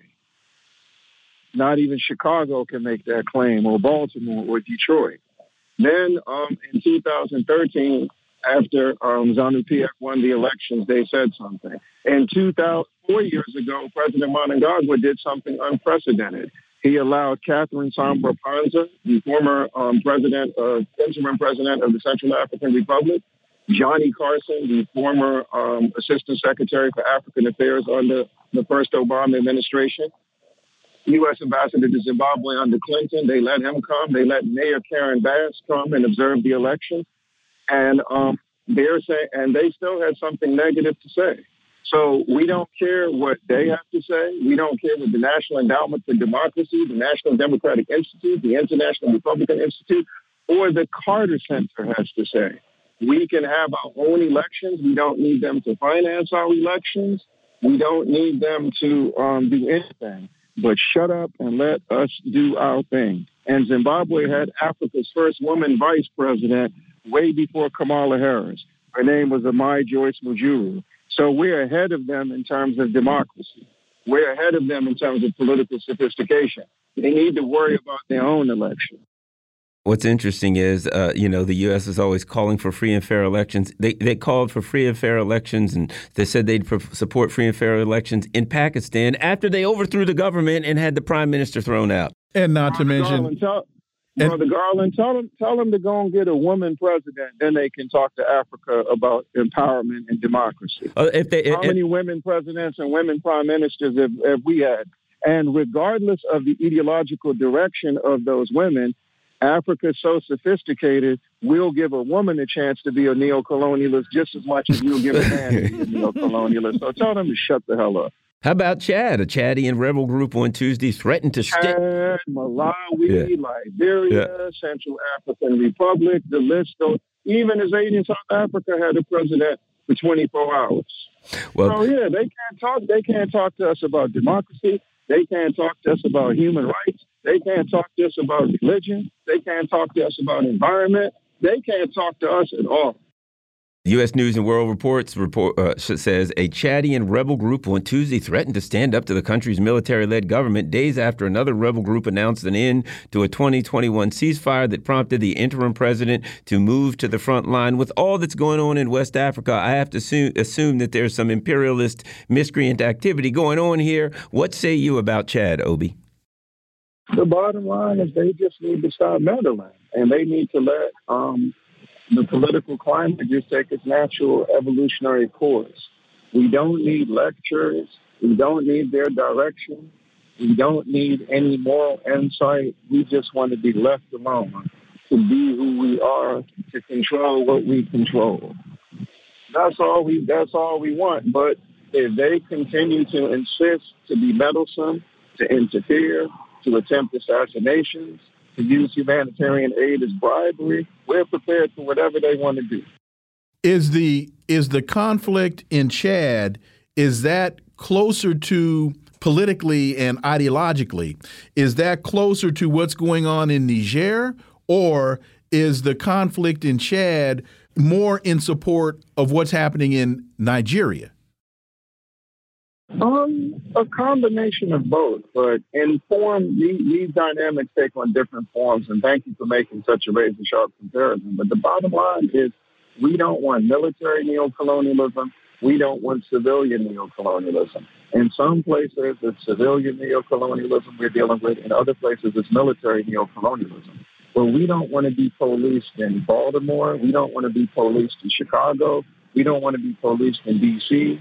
We don't want to be policed in LA. We don't want to be policed in Niger. We don't want to be policed in Chad. We don't want to be policed in Zimbabwe. We don't want to be policed in Eritrea. We don't want to be policed anywhere by our former colonizers and captors. They need to mind their business and keep their distance. We have just about a minute left. We know we're now in the day two of the BRICS summit, and China is talking about elevating a strategic partnership with South Africa. Quickly, your take on where we are with the with the BRICS and and China. Well, since you mentioned Zimbabwe earlier, I remember in 2005 when President Mugabe announced the Look East policy, and the U.S. State Department had an emergency meeting about what the broader ramifications could be. Um, what the what the United States cannot afford to do, especially under the helm of a Democrat, they do not want to compare their Africa policy to China's Africa policy or Russia's Africa policy or India's Africa policy. But it's suicide for them, and we're not going to talk them off the plane. For, is, is, wait a minute, It's suicide for who? Who's them? It's suicide, for who? For, it's suicide for U.S. imperialism. Oh, okay. And we're encouraging them to jump right now. Obi Egbuna, as always, thank you so much for your time. Greatly, greatly appreciate that analysis. It's spot on as always. Look forward to having you back. Yes, thanks. Folks, you're listening to the Critical Hour on Radio Sputnik. I'm Wilmer Leon. I'm joined here by my co host, Garland Nixon. There's more on the other side. Stay tuned.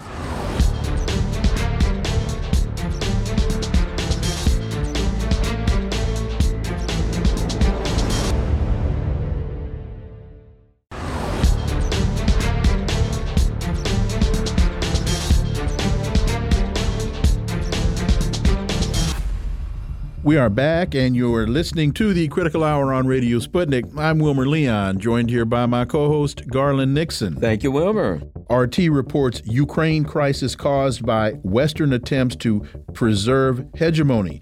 This is according to Russian President Putin. Attempts by the West to maintain its hegemony are the main cause of the conflict in Ukraine, President Putin has claimed. He added that members of the BRICS group of nations reject the idea of exceptionalism. For insight into this, let's turn to our next guest. He's a writer, journalist, and host of the YouTube program The New Atlas, Brian Berletic. As always, Brian, welcome back. Thank you so much for having me back. Quote, we are against any hegemony. The notion of exceptionalism promoted by some nations and the policy of neocolonialism derived from that claim, President Putin said during a video speech to the BRICS summit in South Africa, explaining the origins of the Ukraine crisis. He accused Western powers of facilitating the anti constitutional coup in Kiev in 2014 after seizing power, the new Ukrainian authorities unleashed a war against those who rejected them. Our actions in Ukraine have but one motive to put an end to this war that the West and its satellites in Ukraine started against the people living in Donbass. Brian, if you have any understanding of the historical events that have gotten us to where we are right now, the position that has been articulated by President Putin, looking at the historic record, is a very, very hard position to debate. Brian Berletic. I, I, I would absolutely agree with that. And if you look even further back in history, what President Putin is talking about is Western led hegemony that has dominated uh, the world since the end of World War II, and before that, for generations under uh, Western European colonialists. If we think about all of the wars of the 20th century and now actually the 21st century, many of these wars have been about the West, led by the United States, attempting to reassert Western control over different parts of the world that they have historically colonized. The, the war in Vietnam, for example, and if you look at Iraq or Afghanistan, it is the same story. And with Ukraine, this was all about uh, because part of this is not only reasserting control over former colonies, but eliminating peer or near peer competitors. This obsession with Ukraine is part of encircling and containing Russia, just, just as other conflicts are involved in the process of encircling and controlling China. So it, it really is a very big uh, process that stretches back in history, and this is something that multipolarism is attempting to put to an end once and for all. You know, it's interesting also that he talks about the war started against the people living in Donbass. You know, in view of the um, catastrophic number of cat casualties that we've seen in um, in in Ukraine uh, from the Ukrainian military in the past, you know, six to eight weeks. Um, you could argue that it's a war against the people in Western Ukraine too. I mean, if that's helping Ukraine, if, if you consider helping Ukraine by sending, uh, I think they supposedly trained 50, 60,000 people for the counteroffensive, as it was called, mis, as it was misnamed, and like close to 50,000 of them are dead. I don't see that they're really helping anybody in Ukraine by sending them out in the middle of a minefield. Your thoughts? I, I agree with that as well. This is a proxy war. This is the United States fighting Russia and paying for it in Ukrainian blood and also in Ukrainian territory. Ukraine is losing both. None of this benefits Ukraine in any shape, form, or way, not in any conceivable way. So when you really do think about it and you think about comments made by people like Lindsey Graham, a member, a sitting member of the US Congress, um, they're talking about fighting Russia to the last Ukrainian, and uh, that that is exactly what they're doing. You know, in listening to your analysis, Brian, I got to thinking about the concept of projection and how a lot of times you, not you personally, will make an attack on someone about their behavior when in fact it's really reflective of yours. So again, not you personally. So we we hear uh, Vladimir Putin is a madman. Oh, he's just crazy. He's a madman. Well, when you listen to the Pentagon tell us that the war in Ukraine is is lost, but Joe Biden continues to ask for billions of US taxpayer dollars to send more arms into Ukraine, who's the madman? When you hear that the uh, Ukrainians aren't fighting hard enough, their problem is they they just don't have the and Joe Biden is saying this, well, who's the madman? When you hear, oh, Vladimir Putin, what he's trying to do is he's trying to recreate the Soviet Union. He's trying to to march across Europe and take over Europe. No, well, I don't really know that I've ever heard him say that that's what he's trying to do. And when I look at his actions, I don't see his actions supporting it. But who is trying to take over Europe by blowing up the Nord Stream pipeline, by decimating the German economy? Oh, that sounds like Joe Biden. And if we go to Niger and we look at what the United States is trying to facilitate or foment there, it's the same imperialist neo-colonialist mentality. So all of these things that get projected on President Putin, they don't seem to fit him. They seem to fit the one projecting Brian Berletic. Absolutely. And the, the worst part of what the US is doing right now in Ukraine is that they just got done doing this in Afghanistan. They were fighting an unwinnable war. They threw uh, tr- over a trillion dollars into that war over the course of 20 years. They killed endless numbers of people living in Afghanistan. Uh, they sent their own military there, fought them to, to the point of where their both their bodies and their minds were broken. And at the end of the day, they still had to quit and leave. Uh, the the entire operation was an absolute failure, and now we see the same thing materializing uh, amid their proxy war against Russia in Ukraine. They they do not learn from their mistakes, and they do not have a reverse gear. Another interesting article, and and and, and I think this deserves discussion. No working European security architecture without Russia. Now, this was apparently said by uh, by the uh, Austrian foreign minister. But here's the interesting thing, and and Wilmer and I have discussed this on the show numerous times. A European security um, deal has to include Russia, number one, and it has to take into account Russia's security needs. Therefore, the European security needs needs align with Russia's but they don't align with the U.S. empire. Your thoughts? Exactly. Once again, the problem is not Europe. The problem is not Russia. The problem is the United States. The United States is crossing an entire ocean to involve itself in Europe along the borders of the Russian Federation, uh, fomenting not just the war in Ukraine, but hostilities all along Russia's border. They expanded NATO right up to Russia's border. All of these nations in Europe were ready to do business with Russia. They had been doing business with Russia. They were getting all of their energy from Russia. And it was the United States, first and foremost, along with handpicked bureaucrats they put into power uh, above the sovereignty of everyone in Europe that drove this wedge between Europe and Russia at the detriment of the people of Europe. Uh, obviously, this is not benefiting Russia. And obviously, as we just discussed, it's not benefiting anyone in Ukraine. Who is it benefiting?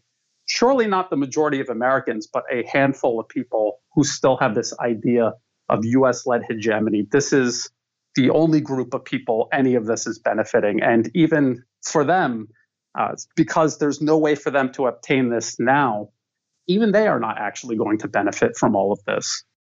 And two examples to your point in 2014, who did the United States overthrow in Ukraine? It was Viktor Yanukovych. And why? Because he was getting in the West's, in the United States opinion, he was getting too close to the business deals that he was trying to cut with President Putin. Who blew up the Nord Stream pipeline and why? The United States who is responsible for the deindustrialization of the German economy? It is the United States. It's not Russia. So, uh, uh, going back to this whole projection thing, uh, when you point one finger at somebody else, you got three fingers pointing back at yourself. And so none of this again, when you look at the data, not listening to the rhetoric, when you look at the data and the historic record, I don't think that anything that we have said up to this point uh, in this in this conversation is historically wrong. I, I agree with that, and thinking about the things that uh, the Russian government says, the things that they actually want, when you really again clear out the rhetoric and actually think about what they're saying, they don't want NATO right up on their border. And if we just flip the script around the other way, if we thought about a, a hostile military alliance uh, expanding all the way up to America's border, surrounding the United States. How would the American people feel about that? How would the U.S. government? How would? Hang on, Brian. Just just to that point, NATO that close to Russia's borders. What does Putin say?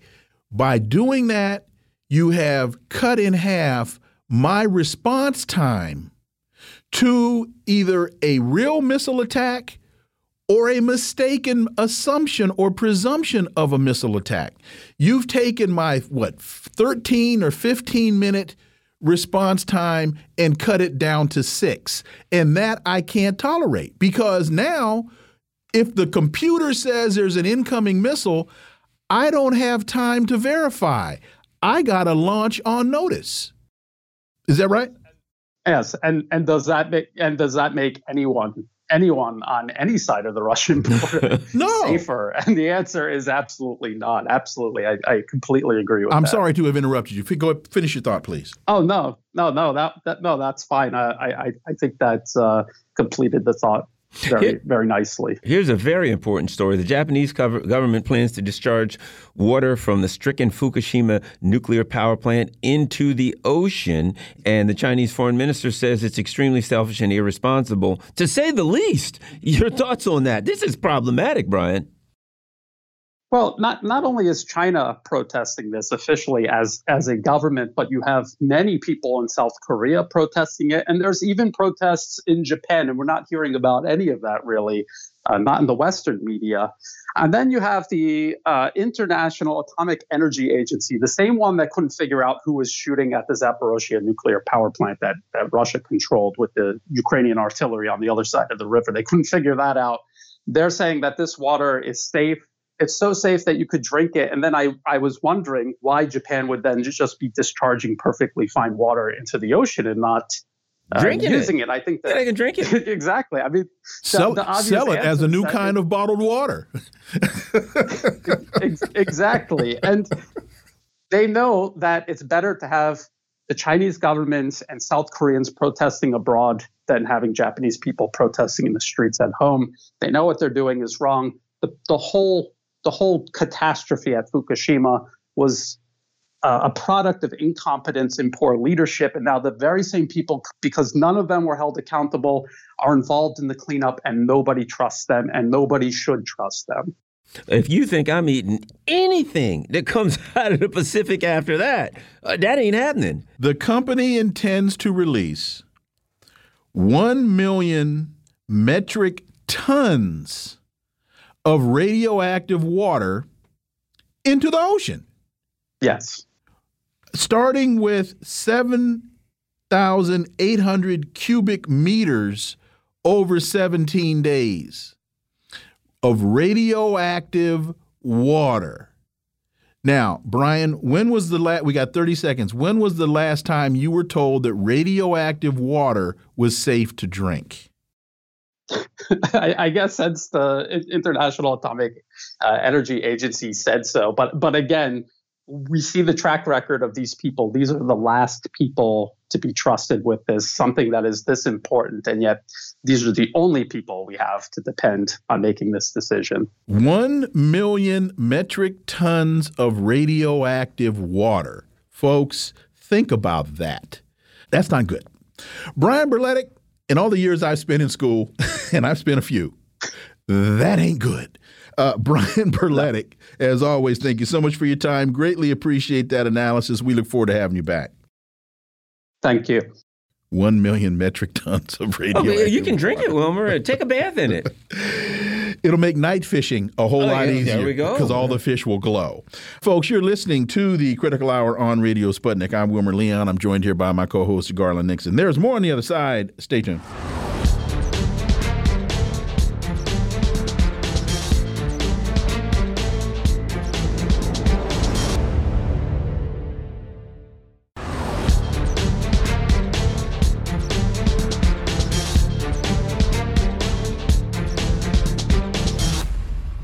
We are back, and you're listening to the Critical Hour on Radio Sputnik. I'm Wilmer Leon, joined here by my co host, Garland Nixon. Thank you, Wilmer. Sputnik International reports trade within BRICS topped $762 billion in 2022. According to the South African President Cyril Ramaphosa, the trade between the BRICS, uh, with foreign investment playing a major role in the growth of the bloc's economies, reached $762 billion. For insight into this, let's turn to our next guest. He's an associate professor of economics at the University of Missouri Kansas City, former president of the National Economics Association, Dr. Linwood Tauheed. As always, welcome back. Thank you. Total annual foreign investment into BRICS countries is four times greater than it was 20 years ago, Ramaphosa stated during the bloc's annual top level summit, which ends tomorrow in Johannesburg. The economic growth of BRICS countries must be underpinned by transparency as well as be compatible with a multilateral trading system that supports a developmental agenda. Dr. Tauheed, a couple of things. This is, I believe, incredible growth and development over a 20 year period. And the idea that Ramaphosa is saying that this growth, there must be transparency, multilateral trading, and a developmental agenda. Those are all, I believe, very, very positive ideals, and they are contrary to the World Bank, they're contrary to the IMF, and they're contrary to America's economic capitalist hegemony that it has been imposing over the world since the end of World War II. Uh, yes, I, I, think this this statement is significant in that uh, Cyril Ramaphosa, uh, president of South Africa, representing the BRICS in this case, with the BRICS summit being in South Africa, is saying things that a development bank should be, uh, excuse me, that, that trade between countries should be should be dedicated to uh, mutual mutual development. It's it's it's uh, I think significant that he that he even has to say this um, because it, it certainly points to the fact that the relationship between developing countries and the World Bank and the IMF, even though it's been stated as been developmental, has not been transparent and has caused underdevelopment in these development developing countries. And so to have to stay, say that, uh, uh, to just make it bluntly, that this is going to be about development and transparency uh, is an indication that it's going to be a, a break from uh, the traditional World Bank IMF process. And also, you know, it's something that we've all we've discussed here many times on this show. The three of us have discussed, and that is that the institutions currently, the economic institutions and the international economic infrastructure, has been dominated by the United States in a malevolent and malicious way, in a way that benefits them and leaves other countries poor and broke and owing a lot of money, kind of like. Uh, I don't know, somebody just graduated from college these days, and it is it is it is necessitating that they that these countries build their own infrastructure that is um, actually dedicated to development, dedicated to the things it claims to be dedicated to, rather than simply a cl clandestine operation to shovel everything into the mouths of the greedy oligarchs in the United States. Yes, I mean it, it, there's no secret that the World Bank and the IMF are are uh, institutions run for the benefit of the U.S. And, and when I say U.S., I, I, don't mean everyone in the U.S. We, are we're talking about U.S. oligarchs. And, and so uh, those institutions are, are not beneficial to uh, the working poor or even the middle class in the U.S. Uh, the, the, so and so the great expansion of wealth uh, from the uh, billionaire class, the uh, the one percent class, uh, the one percent of one percent class, is is uh, due to its ability to uh, to extract wealth and resources from the rest of the world. to put this this number, 762 billion, in context, this is trade among the BRICS countries: Brazil, Russia, India, China, and South Africa. Uh, U.S. trade with China in 2022 was $690 billion, right? Less than $662 billion. And uh, China has certainly been the engine uh, uh, of, of, is going to be the engine of growth uh, for the BRICS. And in in uh, since 2000 and since 2000, in the last 23 years, uh, China has uh, raised its median household income by 700%. Uh, while uh, to put that in comparison, the U.S. median household income has only gone up by 7% in that same period of time. So uh, China has grown seven, uh, a thousand, excuse me, 100 times more than the U.S. has grown, at least for, for, for regular people in the U.S which gives an indication that perhaps the Chinese, as as one of the BRICS uh, uh, partners, knows something about development. I don't even know if this question could be answered in an entire semester, but what are two or three things that the United States government could do to raise Americans' household household income by sixty percent, not seven hundred percent? Mm-hmm. 60%. percent Well, part of that, of course, is to go back and undo the Reagan assault on unions. Um, mm. Unionization was was very much a part of the growth of median household income of, of the middle class, and of course Reagan led the charge to destroy unionization. Unions have been on a on a decline since then, except for there is a rising again in the in the U.S. of, of unions and, and the union movement. Now, the Biden administration, Joe Biden says he's a you know the most union friendly president ever. Mm-hmm. Uh, but of course, of course, his actions in terms of negotiating various agreements or interfere into, inserting himself into uh, various union agreements has been less than stellar, and and unions are disappointed. Uh, that he hasn't done what he's what he campaigned on, but that would be that would be a, a great start uh, to enforce labor law, to uh, to uh, to to uh, enforce uh, against violations by uh, large corporations like Amazon and so forth of, of their violation, Starbucks, of their attempt to suppress unions. So that would that would go a long way.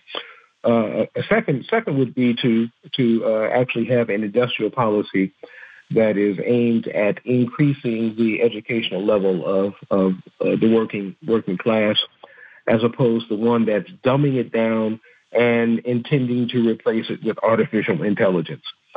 And and so those are those are two things that uh, could be done right now uh, if the U.S. was serious about raising the uh, standard of living and the median household income of, of, of ordinary Americans. What about pensions?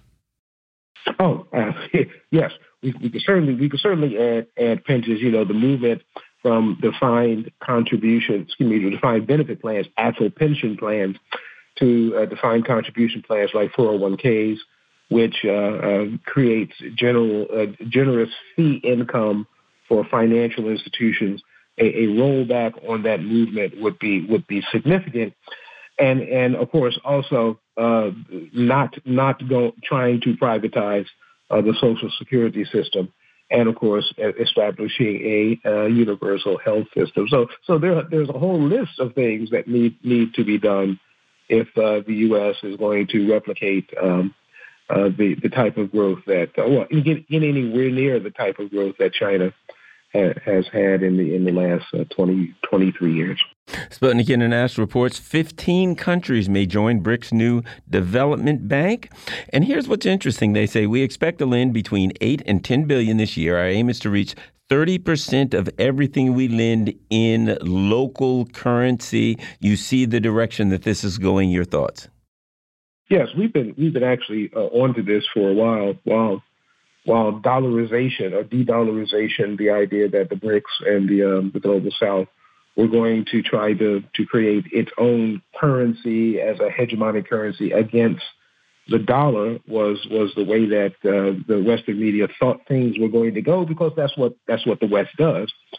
Uh, the BRICS and the, the, global South have in, instead been uh, doing trade in in their own currencies, doing what are called currency swaps, uh, which means that there's no intention, and and I guess it's become official uh, uh, from from the the president of the the, um, the BRICS New Development Bank, Dilma Rousseff it's become official that that's not their goal. Their goal is not to replace the dollar, but to support trade among nations in, in their own currencies.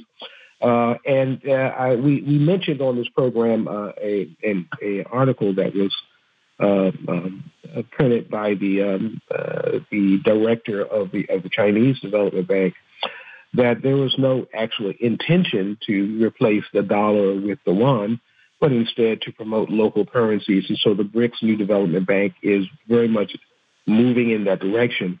Uh, other other uh, economists are, are coming to the realization that there's no quote de-dollarization going on. There is simply a building of a new system of trade that in which the dollar is going to be much much less important. And President Xi says China is ready to elevate strategic partnership with South Africa to a new level. Uh, I'm absolutely ready to work together with the South African president to elevate comprehensive strategic partnership between China and South Africa to a new level. When President Xi says stuff like that, I think the term is game over. Well, of course, South Africa is, is one of the BRICS. They're, they are the S in BRICS. Uh, they have uh, an, an important position in the BRICS. And of course, South Africa also has a very important um, position on the African continent, being the third largest economy. Uh, Nigeria is the, is the largest at, at about 500 billion. Egypt is next at about 470 billion, and, and South Africa at uh, a little over 400 billion is the third largest. Uh, but it, but it also um, it, it's the third largest economy, but it also has has lots of infrastructure uh, possibly more than, than many of the other countries, that can be used as a, as a gateway, if you will, into trade with uh, the BRICS. So other African countries are very much poised uh, to join the BRICS and therefore um, uh, join this process of, of a creating a multipolar world. And uh, you know there are there are countries, uh, certainly 15 countries that uh, are wanting to join the BRICS right now, have applications, and, and many of them are very definite that they want to join BRICS. Uh, these are uh, South American countries. These are African countries. Mexico is one of those countries. And so the three quarters of the world that we used to call the rest of the world, now we call the majority of the world, is wanting to join together to be another pole um, um, in not not in opposition, mm-hmm. apparently, but but but also as a as another way of, of thinking about how the world grows and develops without conditions and uh, with a focus on things like food sovereignty and climate change and uh, avoidance of the uh, the artificial intelligence trap that's growing. Dr. Linwood Tauheed, as always, thank you so much for your time. Greatly, greatly appreciate that analysis, and we look forward to having you back. Thank you. It's been a pleasure. Folks, you've been listening to the Critical Hour here on Radio Sputnik. Thank you for allowing our voices into your space. On behalf of myself and my co host, Garland Nixon, we hope you were informed and enlightened, and we look forward to talking with you all right here tomorrow on Radio Sputnik. Be safe. Peace and blessings. We're out.